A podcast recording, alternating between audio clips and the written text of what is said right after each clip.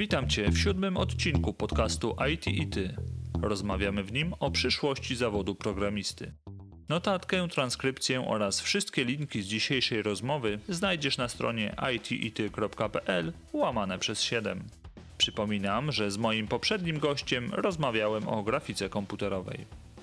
Zachęcam Cię do podzielenia się opinią odnośnie tego podcastu poprzez wystawienie oceny lub recenzji w aplikacji, której używasz do słuchania. Czy tego chcemy, czy nie, technologie informatyczne to nasza codzienność. Są tak powszechne jak elektryczność. Może ty też jesteś związany z branżą IT, a może świat IT dopiero czeka na ciebie? Poprzez wywiady takie jak ten chcę pokazać i przybliżyć różne oblicza świata IT, a także ukazać ludzką twarz osób, które na co dzień w nim przebywają. Osób, które podobnie jak ja uważają, że dzielenie się wiedzą jest fajne. Ja nazywam się Damian Ruciński i zapraszam Cię do naszego świata. O programiście przyszłości, ewolucji tego zawodu i tym, czy warto wybrać tą ścieżkę kariery, opowie nam Head of IT w firmie Echo Investment, fan rozwiązań chmurowych z rodziny Microsoftu, Adrian Woźniakiewicz. Prywatnie szczęśliwy mąż i ojciec lubiący aktywnie spędzać wolny czas. Cześć Adrian. Cześć. E, zacznijmy od e, takiego pytania na rozgrzewkę. Czy słuchasz podcastów i jakich? Że staram się oczywiście jak najwięcej. No, e, obecna sytuacja spowodowała, że, że tych podcastów słucham coraz więcej. Ja głównie, głównie skupiam się na, na takiej platformie. Będę od razu reklamował Udemy. Tam jest dla mnie mnóstwo gotowej takiej w pigułce wiedzy, bo też nie będę ukrywał, nie mam tyle czasu z racji rodzinnych, jakichś tam planów życiowych, żeby, żeby poświęcać technologii tyle czasu, ile bym chciał. Także tam mam wszystko w pigułce i tam staram się pozyskiwać wiedzę. No jest oczywiście, z racji, że jestem mocno uwikłany w technologię Microsoft, no to Channel 9, gdzie, gdzie są pokazywane te nowinki e, produktowe. E, no głównie, głównie, głównie jeśli chodzi o produkty Microsoftu oczywiście. Niebezpiecznika sobie czytam. No i staram się też jakąś tam literaturę do tego e, dokładać, bo nie tylko te filmy, nie tylko podcasty, ale uważam, że też parę książek w roku przeczytać też dobrze. Aha, jasne. Powiedz mi, mm, jak to e, u ciebie było z tymi początkami? Kiedy i jak zaczęła się twoja przygoda z takim szeroko rozumianym IT? To znaczy, e, z racji tego, że ja mam, ja mam już albo dopiero, nie wiem, jak na 33 lata, to te, te tematy Amigi, Atari, czy to ja tego nie, nie, nie znam. Nie, kart, kart performance, ja tego nie znam. Dla mnie to po prostu nie istniało. Ja pamiętam e, bodajże w trzeciej klasie podstawówki. E, tam był chyba Windows 1.12, coś takiego, już, już dokładnie nie, nie pamiętam. To był ten pierwszy zaraz po MS-DOSie, tak, jak, jak wyszedł. I, I z racji tego, że wiedziałem, gdzie kliknąć, żeby coś zrobić, no to byłem, okazało się, że już wtedy byłem informatykiem, tak. no takie to były czasy śmieszne.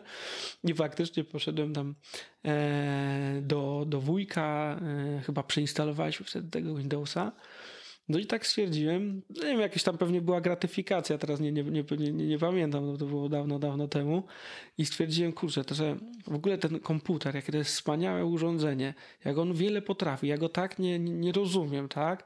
I, a dodatkowo tak łatwo można pieniądze dzięki temu urządzeniu zarobić, bo kompletnie, wtedy kompletnie nikt, wiadomo, nie było internetu, to nie, nie to co teraz. Nikt z otoczenia, które nie znałem, nie rozumiał tego urządzenia, tak? A, a, a wszyscy wtedy tak mówili o tym komputerze, że oni mają, ale to wtedy wiadomo, ktoś dostał y, jakiś czytnik w pracy, to mówi, że ma komputer, no taki mhm. był poziom świadomości. Więc tak to się zaczęło. No i można powiedzieć, jak miałem ten. A, 9.11. Ten Windows to chyba był 9.11. E, to 3.11. A, o 3.11. O, o dobra, dzięki. 3.11. I wtedy pamiętam mm, e, z kolegą e, robiliśmy internet na dyskietce. No bo nie, no, nie było w ogóle sieć, to dopiero w bloku później zakładaliśmy i wymienialiśmy się danymi na dyskietce. No, dla mnie to było naturalne, wtedy posiadać dyskietkę i pamiętam, na dyskietce zapisywaliśmy, coś tam pisaliśmy do sobie tekst, ale też robiliśmy takie skrypty w baczu wtedy, tak? Aha. No i jak komuś udało się coś fajniejszego, tam na przykład, nie wiem, melodyjkę zagrać na Aha. tym głośniku, który był na PC, no to to była euforia, że ktoś już wyśledził i i wyśledził, zobaczył, przeczytał no, w czasopiśmie, w gazecie wtedy, przecież nie, nie, ja pamiętam internet to dopiero miałem chyba już e, do gimnazjum chodziłem, także, także parę lat później. I no, wiadomo, na początku to też były gry. No to była ta euforia, wkładało się dyskretkę. Ja pamiętam no, chyba Mortal Kombat wtedy, ja miałem tego Mortal Kombat, nie pamiętam, no wiadomo, to było wszystko pirackie i tak dalej, nikt nawet się wtedy nie zastanawiał nad takim czymś. Eee, I chciałem przegrać koledze, to pamiętam, z całego osiedla zebraliśmy chyba 78 dyskietek i na 78 dyskietkach przegraliśmy go. Yy, była jeszcze taka sytuacja, że tam kilka z tych 78 było wadliwych, było wadliwych także było trzeba z powrotem i dograć te pliki na te dyski. Ale w końcu udało się. Udało się przegrać tego Mortal Kombat yy, koledze, no i wtedy wiadomo, na jednej klawiaturze chyba tam dwie czy nawet trzy osoby mogły grać jakoś tak. Także to był świat gier. Mm, później zaczęły się te kafejki internetowe, był taki boom, pamiętam, na każdym rogu była kafejka internetowa. Wtedy się pojawił jakiś, jakiś pierwszy internet jakaś wiedza, jakaś wymiana, gry online, komunikacja z innymi ludźmi w tych grach, no to stwierdziłem, że to się robi no, no bardzo ciekawe, tak? Jak, jak można wiele ludzi, wielu ludzi może się skupić e, za pomocą tego medium, jakie społeczności też powstają. Ja też, mm. też zacząłem zadawać pytania, że to nie jest tylko blog od tej ulicy do tej ulicy, bo to był, można powiedzieć, jakiś świat dzieciństwa, tylko poza, co się trochę dzieje szerzej. poza, co, mhm. co, trochę szerzej, że można sobie porozmawiać y, z człowiekiem z innego miasta, ircować, tak? Nie wiem, czy teraz w ogóle IRC istnieje, ale wtedy to pamiętam. Od ładnych paru lat nie zaglądałem, nie, więc nie wiem. Ale to wtedy ten, ten ircowanie, to pamiętam, było, te pokoje, aj, to, to, to, to dużo. No i świat gier, później za, pamiętam jakieś, na, już jakieś takie noce do kafejek internetowych na pograć w Unreal'a, w Quake'a, to były tamte, tamte czasy. No i pięknego dnia okazało się, że za dobre wyniki w nauce e, tata e, postanowił e, założyć mi ten internet, tą Neostradę, te pudełeczko, wtedy pamiętam. No i wtedy zaczęło się, no wiadomo, pirackie wersje tych gier, jakichś filmów świat się otworzył, ale chyba dla mnie przełomowym momentem, ja wtedy prenumerowałem gazetę CD Action, która była, mm -hmm. wiadomo, gry, ale to dla, ze względu na gry, tak? Aha. Ale tam była taka sekcja, gdzie się okazało, że był kurs podstawowy Pascala, a później był kurs podstawowy C, a później kontynuacja C++. No ja tak mimochodem zacząłem sobie to czytać, czytać, czytać. No i okazało się, że tu w Turbo Pascala sobie zainstalowałem, później sobie zainstalowałem to całe środowisko do C i zacząłem sobie pisać takie Aha. proste programiki, tak? No i można powiedzieć, stwierdziłem, no całkiem nieźle mi to wychodziło. I to się akurat fajnie zbiegło z tym, że trzeba było gdzieś podjąć po, po tym gimnazjum decyzję, co dalej. No i poszedłem po prostu do liceum informatycznego. No I tam mogę powiedzieć, że naprawdę świetnie, świetnie, to bardzo miło wspominam te czasy, bo, bo za, ja pamiętam, chyba wiem, 8 godzin tygodniowo przedmiotów informatycznych podzielonych fantastycznie na sekcje bazodanowe, e, programowania, ja pamiętam, JavaScript, ja wyszedłem z liceum świetnie, potrafiłem w JavaScriptie programować, rozumiałem bazy danych, miałem, mieliśmy bazy w Accessie porobione, mieliśmy y, dystrybucję Linuxa, pod którą pisaliśmy własne moduły w liceum, takie rzeczy, Aha. naprawdę, także świetnie. To był zespół ZSI, chyba już teraz nie istnieje, to się gdzieś przeniosło. Ja pamiętam, była taka pracownia tam K4, e, gdzie można było przyjść i, i, i projekty robiliśmy wewnętrznie, także świetnie, świetnie to działało. E, ale też oczywiście graliśmy, żeby nie było ja też na tych zajęciach też graliśmy. No, tak, no, żeby nie, nie, nie było takim patosem, żeby nie zajechał. Tak, żeby, nie, żeby tacy byliśmy wspaniali. Nie, nie, nie, ale ja pamiętam, że jak za... dostałem wtedy szóstkę z któregoś z tych przedmiotów i uwagę, bo e, napisałem taki programik, że jak się włączało komputer, odwalał się czarny ekran MS-DOSa, format C się wpisywał i, i szła pętelka, że potwierdzająca i z kolegami wgraliśmy to na wszystkie komputery i, i poprzednia następna grupa jak po nas przyszła i włączyła komputery, no to była wielka wrzawa i panika, że się cała pracownia popsuła. Także to była to, to, tak, taka, taka ciekawostka była. No i, no i tyle. No, zaczęliśmy, pamiętam, w tym liceum to zaczęliśmy robić e, z kolegami te strony internetowe. Pierwsze pieniądze zaczęły się pojawiać, więc, więc fajnie. Ale poszedłem, mm, no, klasycznie poszedłem do nas na Politechnikę, na, myślałem o automatyce i robotyce, bo to był wtedy tak na hypie. Myślałem o, po prostu o informatyce, no ale technikę dzisiaj nie wybierałem, bo słyszałem, że to jest bardzo trudny kierunek, to stwierdziłem, że może tam to nie. Eee, no, dostałem się na tą automatykę i na informatykę i tak patrzyłem, co po tej automatyce można robić, wydawało mi się wtedy, że, że po prostu będzie mi ciężko z pracą i poszedłem na informatykę. I ja pamiętam, miałem takie, e, już te strony robiliśmy, no ten JavaScript, to w PHP wtedy to się robiło wszystko i tak mówię, kurczę, tak, już tak dobrze to idzie, nie? Bo tu było kilkunastu klientów, miałem tam serwer, sprzedawałem domeny, kupowałem miejsce na serwerze, no nawet to się kręciło, nie powiem. E, mówię, ale mam tyle pytań, ja tyle rzeczy nie wiem, pójdę na Politechnikę, to się na pewno wszystkiego dowiem. Tak? No i moje zdziwienie, pierwszy semestr yy, i, i, drugi semestr Turbo Pascal. także wróciliśmy do tego, co, do tej mojej gazety CD Action, tak? Aha. Nie, także tam no, na Politechnice to trochę, no, na, na, na poprzednich, na następnych latach, przepraszam, to się, to się więcej Coś nauczyło. Się zaczęło Coś się zaczęło dziać. Także, ale tak, y, głód wiedzy, ja bym powiedział, Aha. głód wiedzy i, i taka euforia związana z tym, że e, to jest wszystko takie nowe, tak y, mało ludzi coś o tym wie i to jest taka wtedy, na tamten czas to była po prostu elitarna wiedza, no, tak to można powiedzieć. Może spróbujmy zdefiniować, e, kim jest programista. Jak, e, jak ty widzisz, jak ty byś ugryzł ten temat, żeby no bardzo dobry, komuś? Tak, bardzo dobre pytanie, bo to można powiedzieć, ten mityczny programista, to jak czasami ludzie z branży to, to określają takiego lepszego informatyka. Nie? Taki lepszy informatyk to na pewno jest programista. Nie?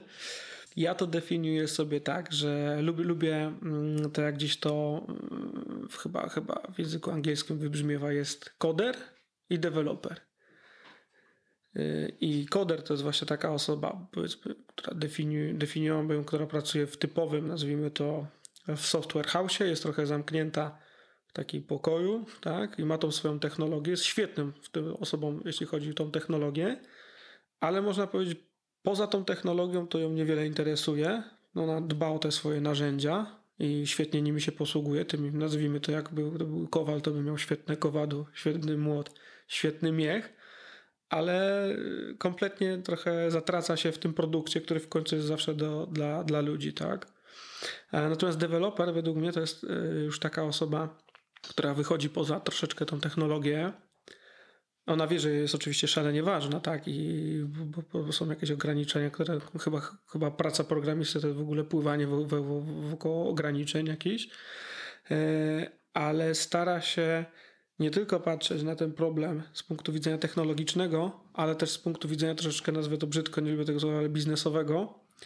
E, no i w dzisiejszych, znaczy to, to może tak, jeśli chodzi o definicję, ale główne, najważniejsze, kim jest dla mnie programista, to jest przede wszystkim inżynier. To jest osoba technologiczna, która umie, można powiedzieć, tym, tym czymś, co ma między uszami, sprawić tak, że ludziom będzie się trochę żyło lepiej, e, rozwiąże część może ich problemów.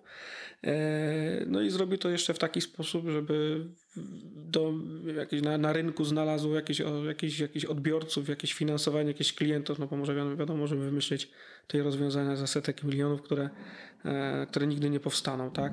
Także umie na podstawie swojego też warsztatu e, i ograniczeń, ale też możliwości, no dostarczyć wartość dodaną dla, dla, dla, dla ludzi, tak. Mhm.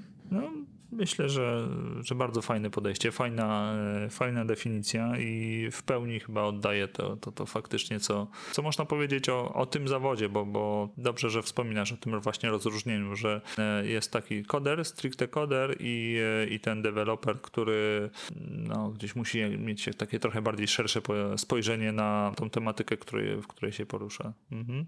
Jeśli chodzi o mm, zawód programisty, no to przez, przez te wiele lat, odkąd powstał pierwszy kod, który no, teoretycznie e, stworzyła kobieta e, Ada Lovelace, e, to jeszcze wiktoriańskie czasy.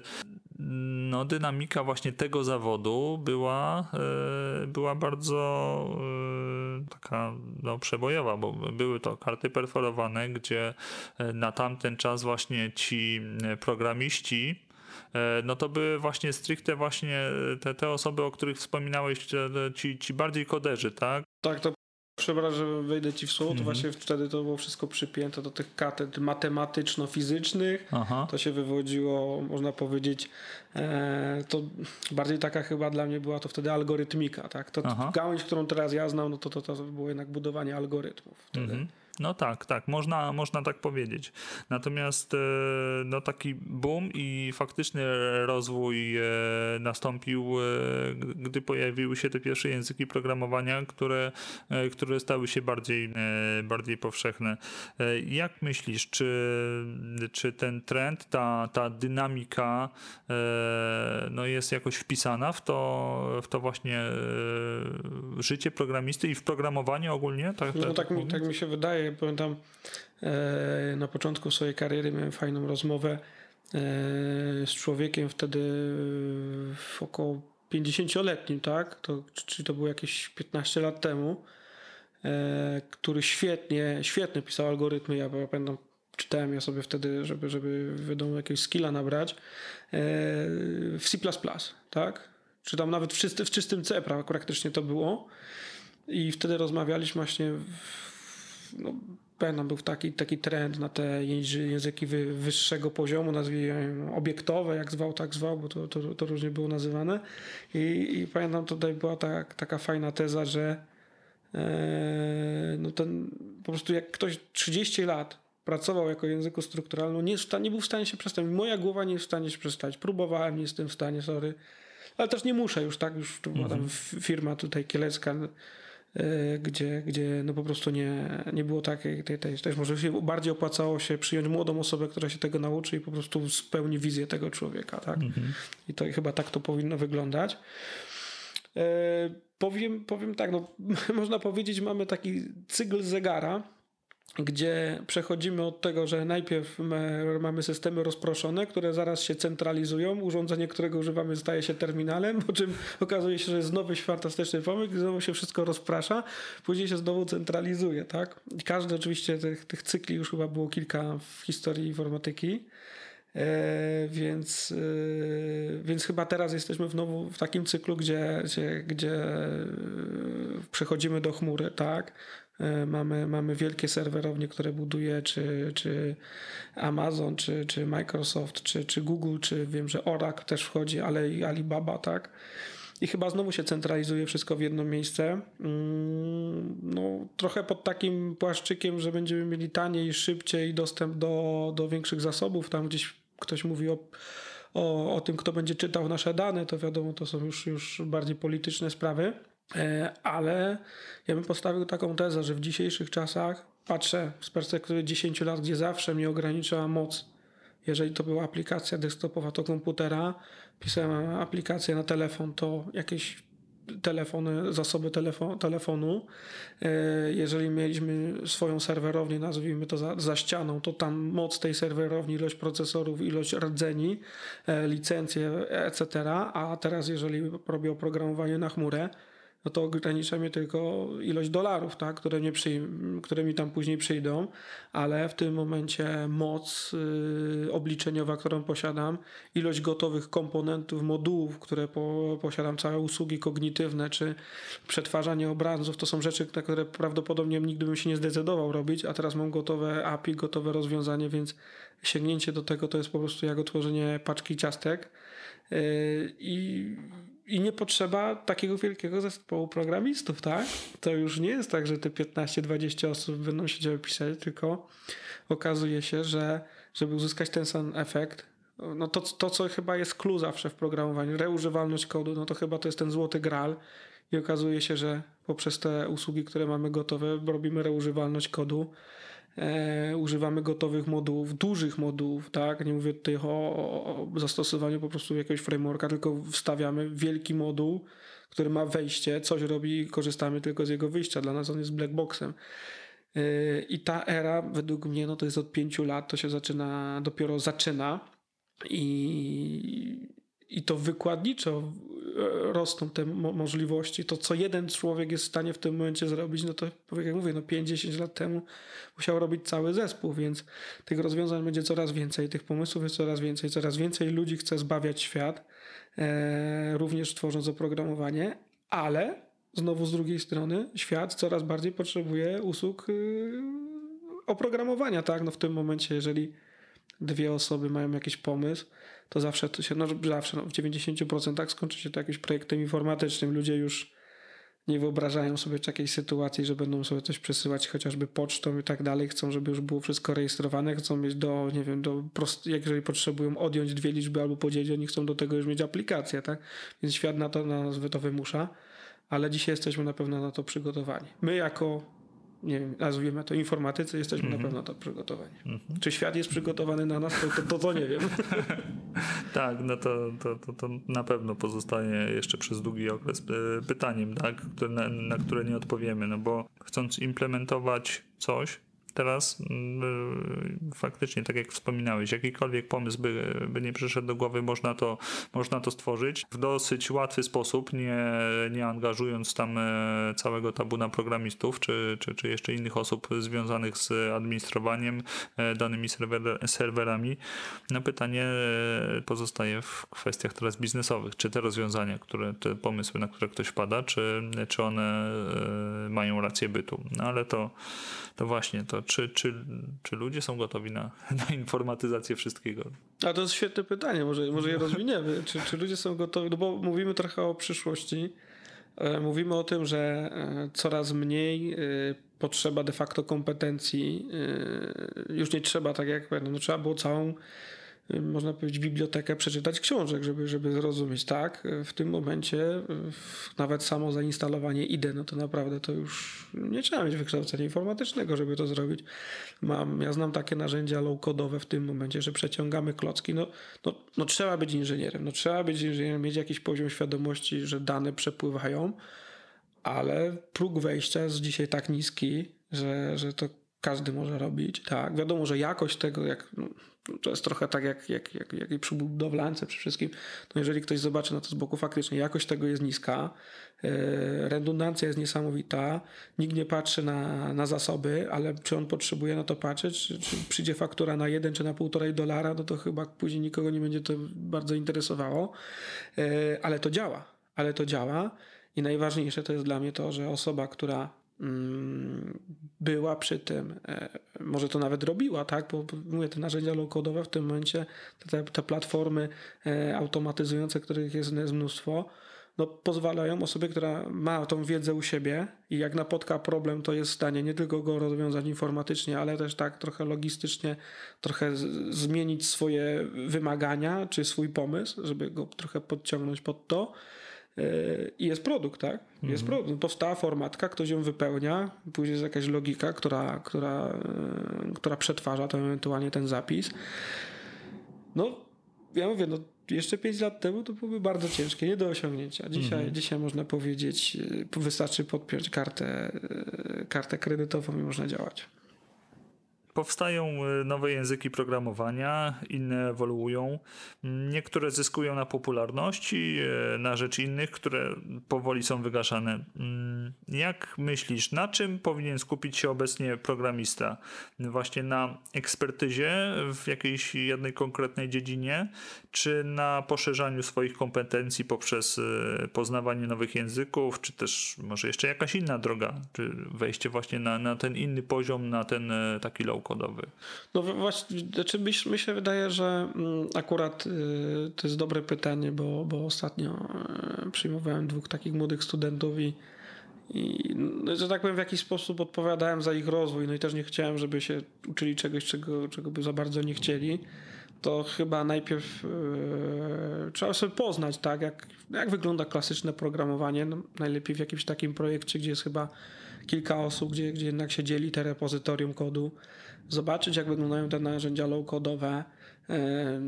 No, programowanie jest też programowanie całe, całe związane z data, tak? Cały język e, R, czy, czy tam Python też wchodzi do przetwarzania da, danych, do, do, do nazwijmy to szumnie sztucznej inteligencji, tak?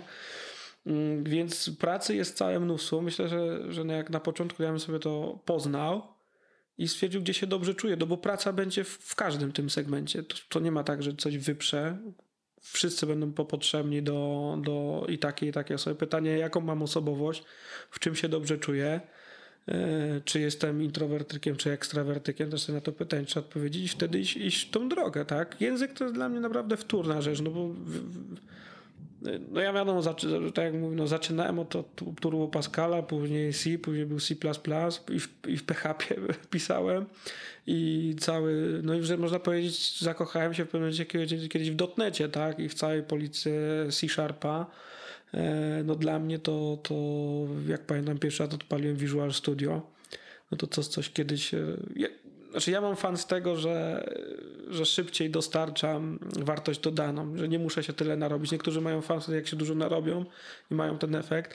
Ja pamiętam pierwszy raz, jak powiem Visual Studio, już nie pamiętam jaka to była wersja, ale, ale na pewno bardzo e, już, już, już, już wczesna, to nie wiem, jakieś przeciągnięcie y, jakiegoś komponentu powodowało, że wtedy było w, w treju gotowe, y, gotowy program, proces, który działał wtedy facto w tle, no to wtedy w C++ napisać podproces, który by ze sobą hmm. rozmawiał. Y, pamiętam pierwszy raz, jak napisałem jakąś formatkę, która de facto w tle wykonywała całe operacje, a formularz ciągle był responsywny no to, ja mówię, no to tysiąc razy łatwiej by to było, było to po prostu zrobić wtedy w, w, dla mnie w dotnecie. Znaczy to pewnie dla każdego było to tysiąc razy. I trzeba sobie odpowiedzieć na pytanie, co, głupie, głupie jak z filmu trochę powiedzieć, co chcesz w życiu robić, zacząć to robić, tak?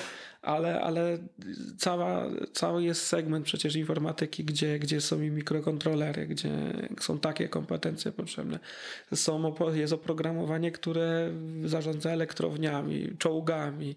E, tak jak mówię, no trochę się tutaj skupiliśmy na takich usługach ty, ty stricte webowych. No jest cała aplikacja ty, klasy ERP, są aplikacje typu CRM, tak? Jest teraz cały nowy, nowy, nowy segment związany z usługami kognitywnymi, z usługami, yy, z usługami do przetwarzania danych, sztuczna inteligencja, tak szumnie to wszyscy teraz tak nazywają.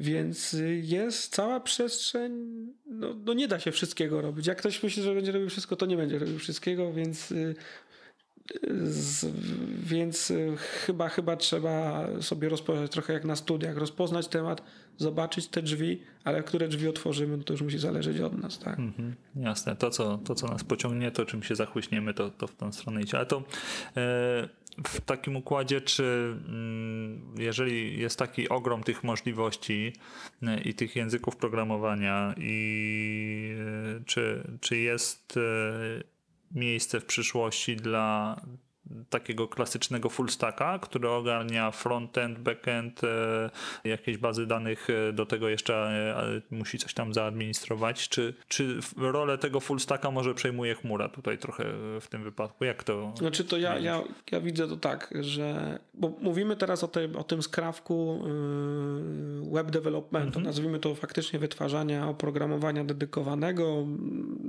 Mówimy o, o całej tej segmen, segmencie związanym, gdzie gdzie, faktycznie już chyba teraz większość oprogramowania, nawet które kiedyś było desktopowe, już ma tą końcówkę. E, kiedyś to się nazywała miękka końcówka, a ta desktopowa była twarda.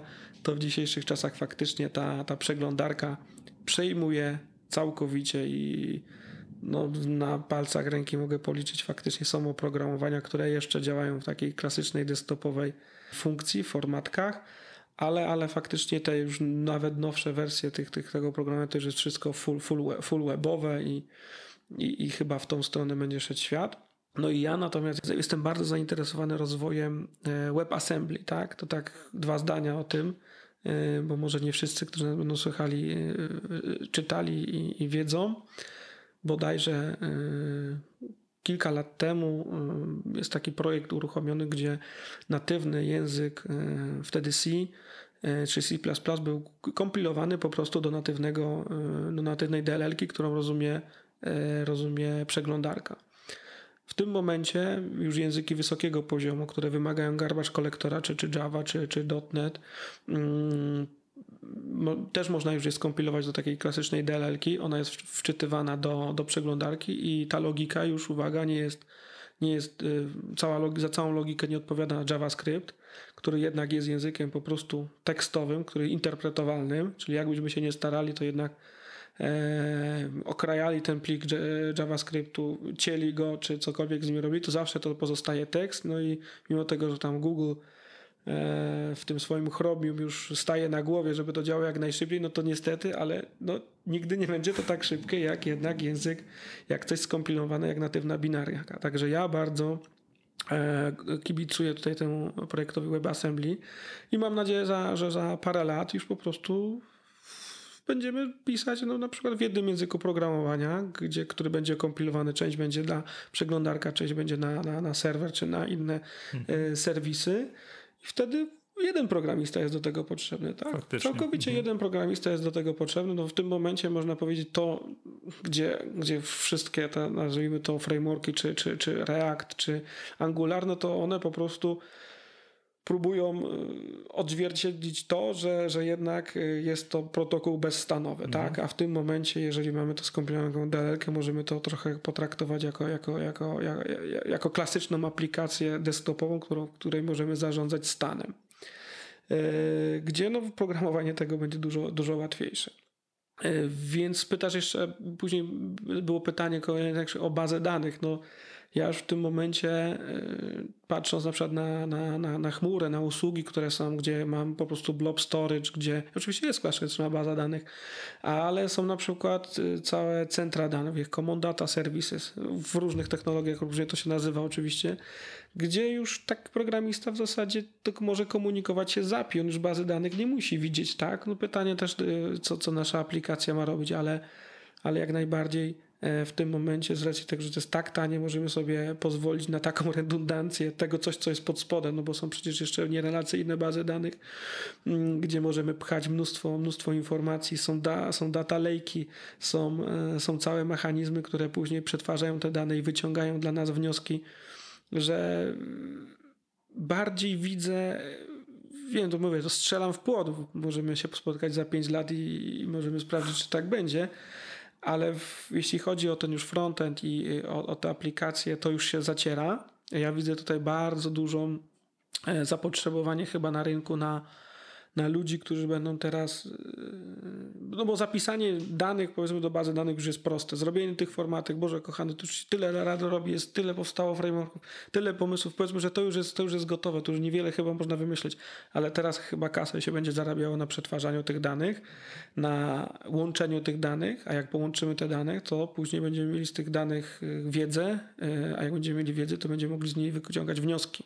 A te wnioski to już chyba będą kosztować pieniądze i to tacy, da, to się nazywa teraz data scientiści, tak? Tacy mm -hmm. data scientiści mi się wydaje, że, że to będzie taki popyt na takich ludzi. A mało no. takich ludzi znam. A jak, e, jak wygląda mm, ewolucja e, narzędzi właśnie? Trochę już żeśmy o tym wspomnieli, e, bo sama ewolucja no, języków programowania wymusza tak samo ewolucję narzędzi, w których, w których się, się tworzy jakiegoś ideę. Więc jak to wygląda obecnie? Jak widzisz przyszłość tego? Jak to się będzie rozwijać?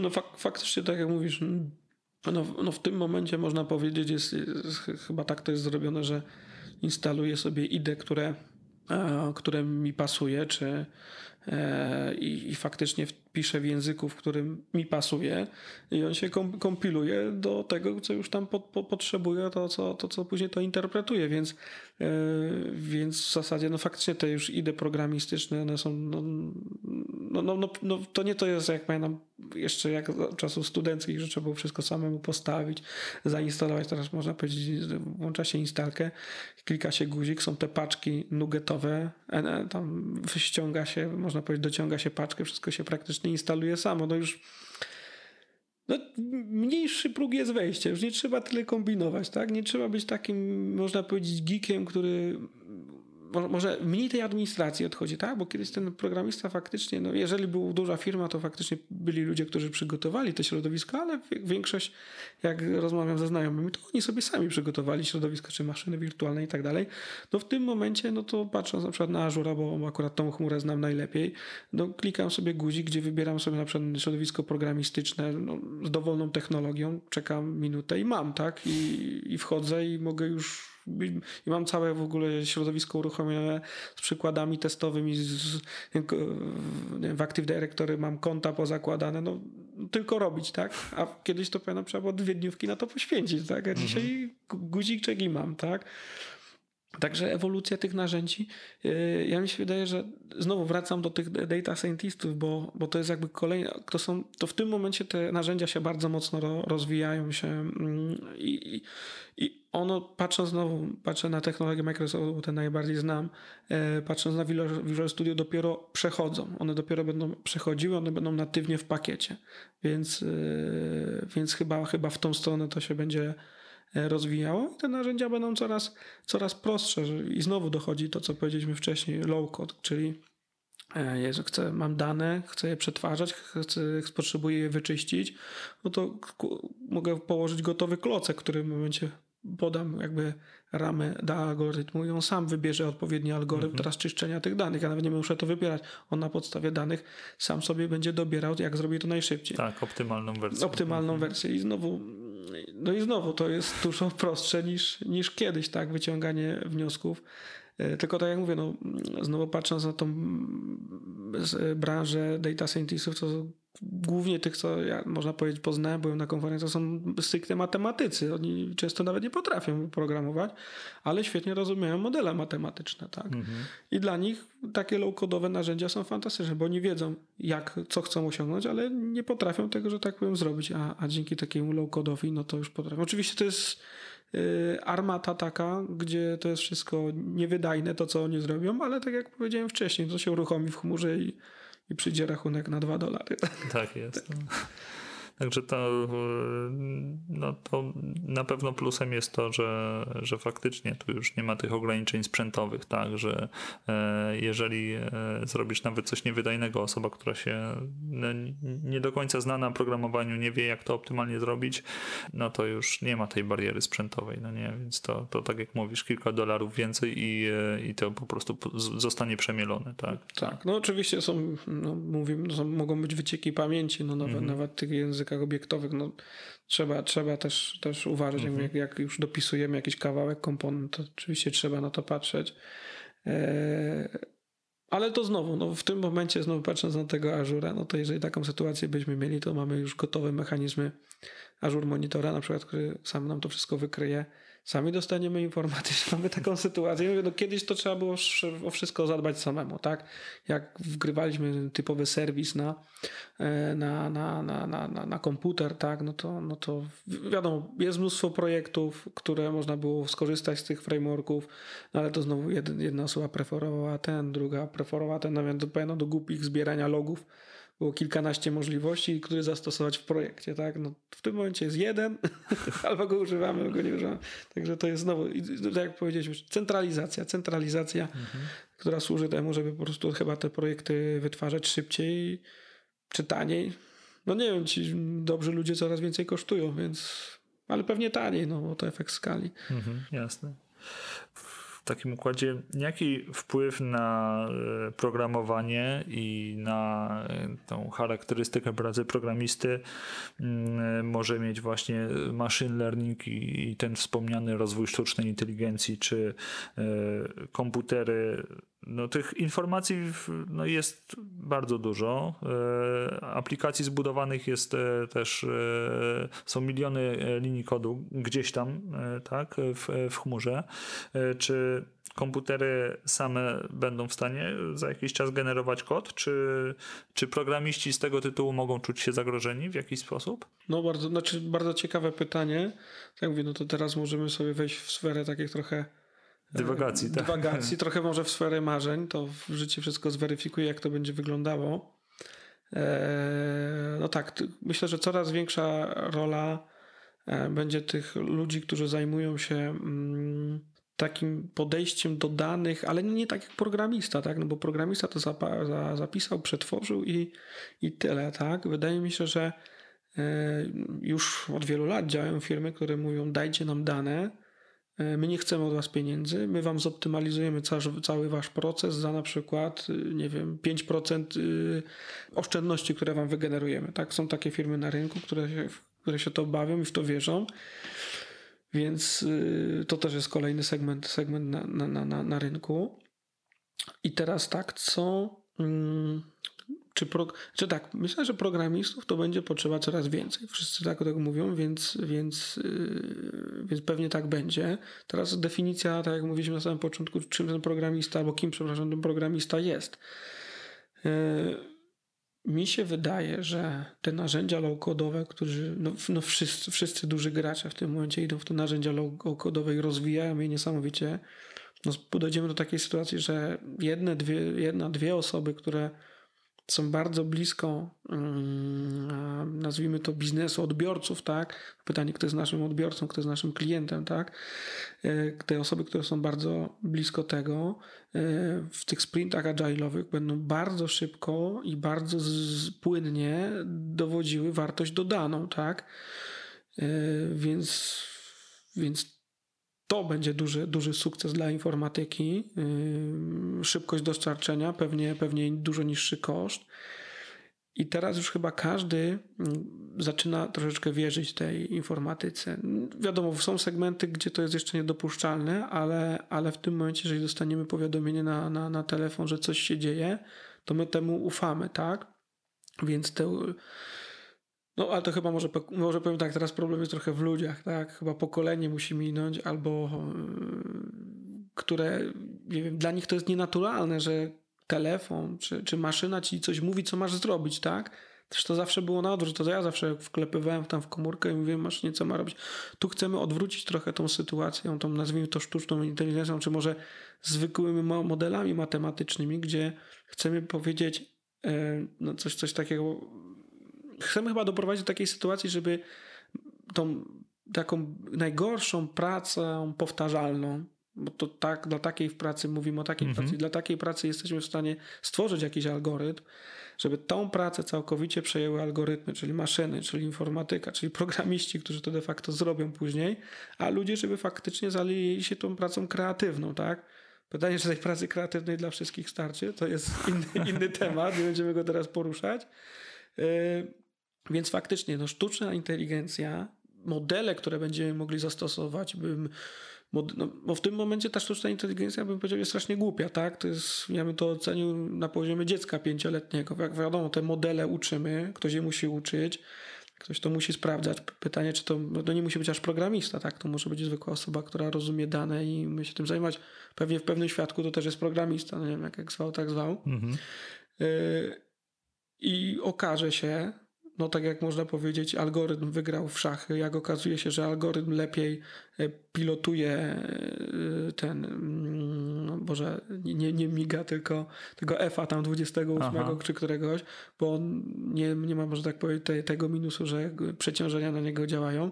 Także w pewnym momencie chyba te kolejne branże z naszego życia będą połykane przez te algorytmy, przez ta praca powtarzalna i to nie taka zwykła jak na taśmie, że ktoś pracuje rękami, tylko ta też praca powtarzalna, która w tym momencie zrobiona, e, nazywana pracą umysłową. Ona będzie mhm. po prostu wchłaniana przez algorytmy, które będą to wykonywać taniej, szybciej.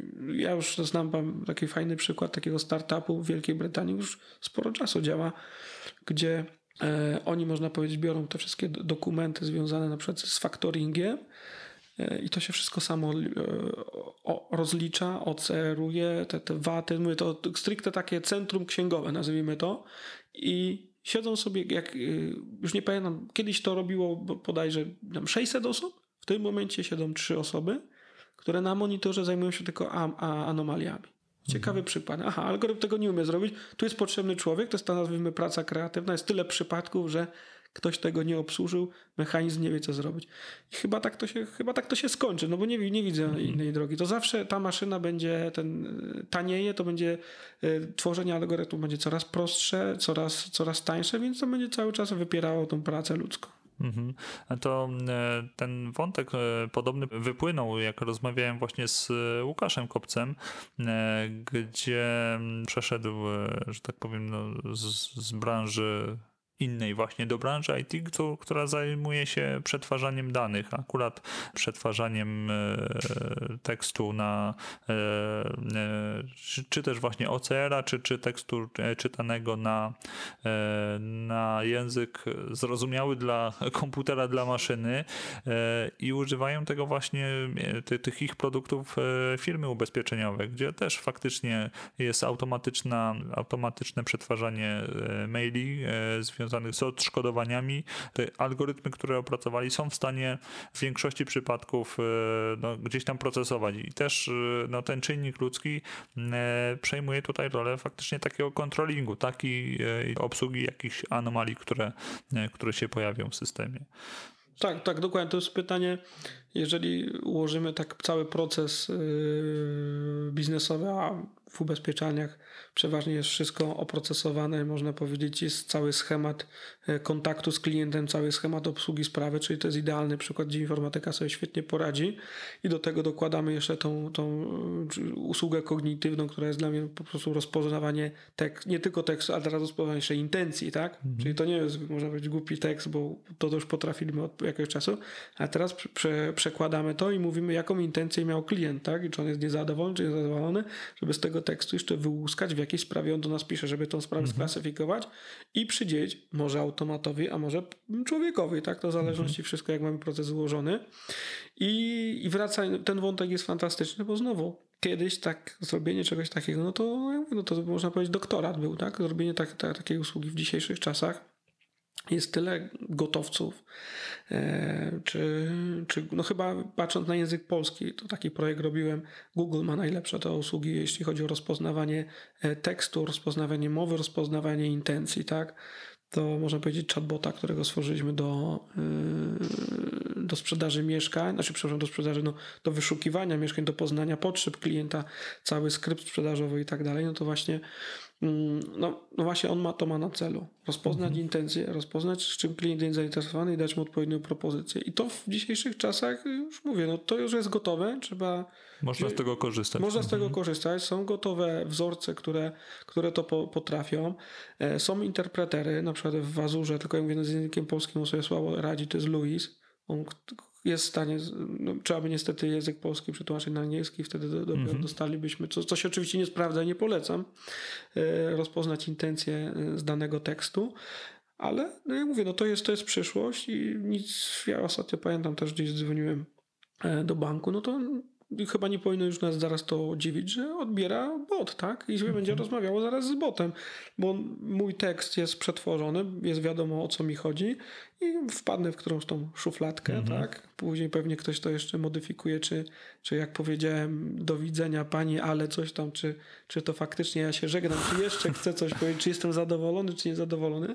Także wiadomo, ktoś, ktoś to kalibruje ten, e, ten proces, e, który się tam uczy pod spodem ale to chyba niedługo będzie naturalne, że będziemy, nie wiem, dzwonić do fryzjera, do wulkanizatora i automa będą automatyczne sekretarki, które będą nas umawiały na, na, na, na, na wizytę, czy to będzie skorelowane z naszym kalendarzem. No, no niestety, to życie nam się, nam się też zautomatyzuje. Nie wiem, czy jestem z tego powodu zadowolony, ale ale jeżeli nie będzie jakiegoś przewrotu na świecie, to chyba tak to się skończy. Mm -hmm.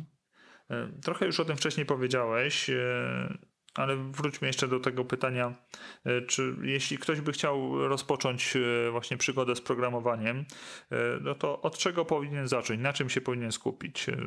Czy też na jakie pytanie sobie odpowiedzieć na początku? Ja myślę, że patrząc z perspektywy czasu po, po ludziach, z którymi nie wiem, byłem w liceum, byłem na studiach, trzeba chyba sobie też zadać pytanie, czy to jest dla nas, bo dużo ludzi znam, którzy po prostu rezygnowało z tej pracy, bo, bo chyba jest, nie jest to łatwa praca. Trzeba być cały czas, starać się przynajmniej być na czasie, bardzo dynamicznie, e, czy, czy języki, czy frameworki, czy podejścia. Tak jak mówię, no teraz można powiedzieć, przechodzimy z takiej ery on-premisowej na erę chmurową, gdzie można powiedzieć specjalista z 15-letnim stażem w tym momencie potrafi mniej od studenta, który rok siedział i przysiadł do tego, bo się tak wiele rzeczy pozmieniało, więc Branża jest strasznie niepewna, trzeba się bardzo dużo uczyć. Yy, w tym momencie no, jest jeszcze, wiadomo, rynek pracownika.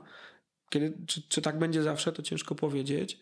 Yy, można zrobić karierę w wielu wspaniałych zawodach, w wielu wspaniałych zawodach można się wykazywać, naprawdę jest całe mnóstwo możliwości, więc trzeba też sobie odpowiedzieć na pytanie, czy, mm, czy to mnie kręci, tak? Jeżeli nie potrafisz, nie wiem, zasnąć, siedzisz przed komputerem, bo masz do rozwiązania problem y, natury programistycznej i nie pójdziesz spać, dopóki go nie rozwiążesz, to tak, to idź w tą stronę, ale jeżeli chcesz iść do tej branży na przykład dla pieniędzy czy, czy dla jakichś innych powódek, to to będziesz wypalony. Za dwa lata będziesz wypalony, sfrustrowany.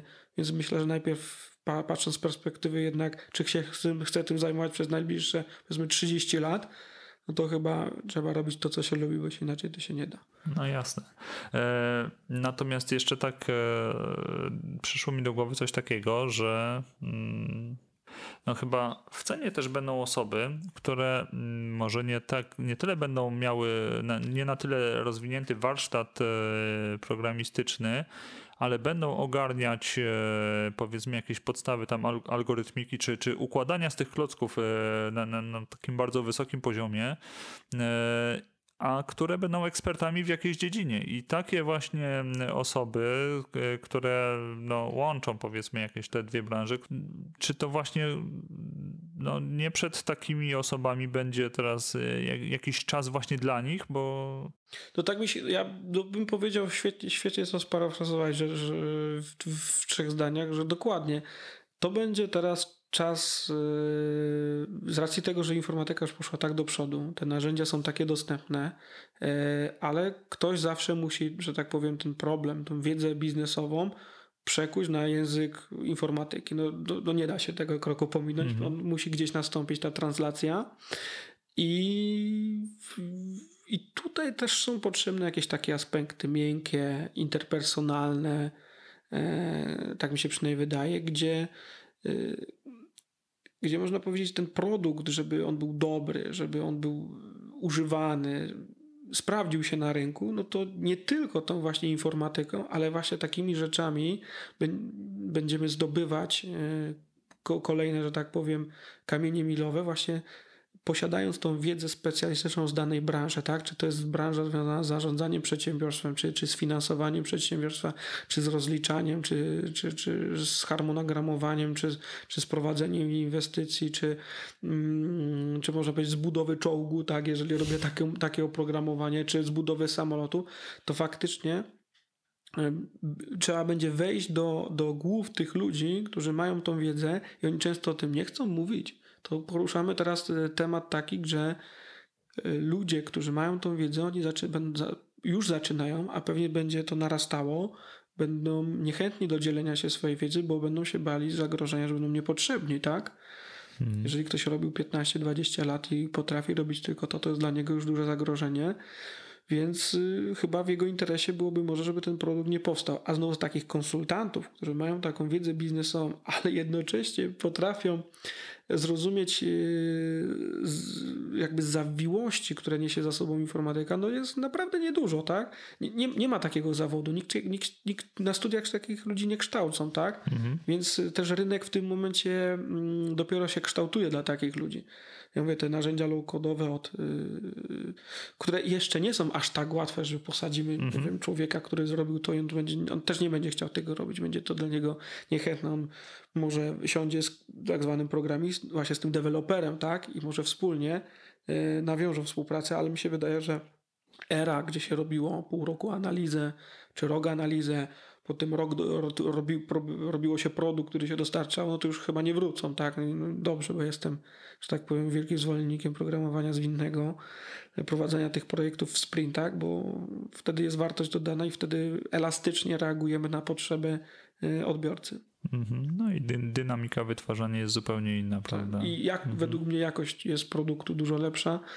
Y, ja, ja takie miałem mm, pa, pa, parafrazę ostatnio, że nie kupiliśmy sobie za ciasnych butów, bo były trochę tańsze. Nie? Bo często znam, znam projekty informatyczne, które y, kończą się tak, no, głównie prowadzonych y, waterfallowo, gdzie po prostu już analiza trwała tyle czasu, już był tak, że każdy już po prostu chciał to uruchomić.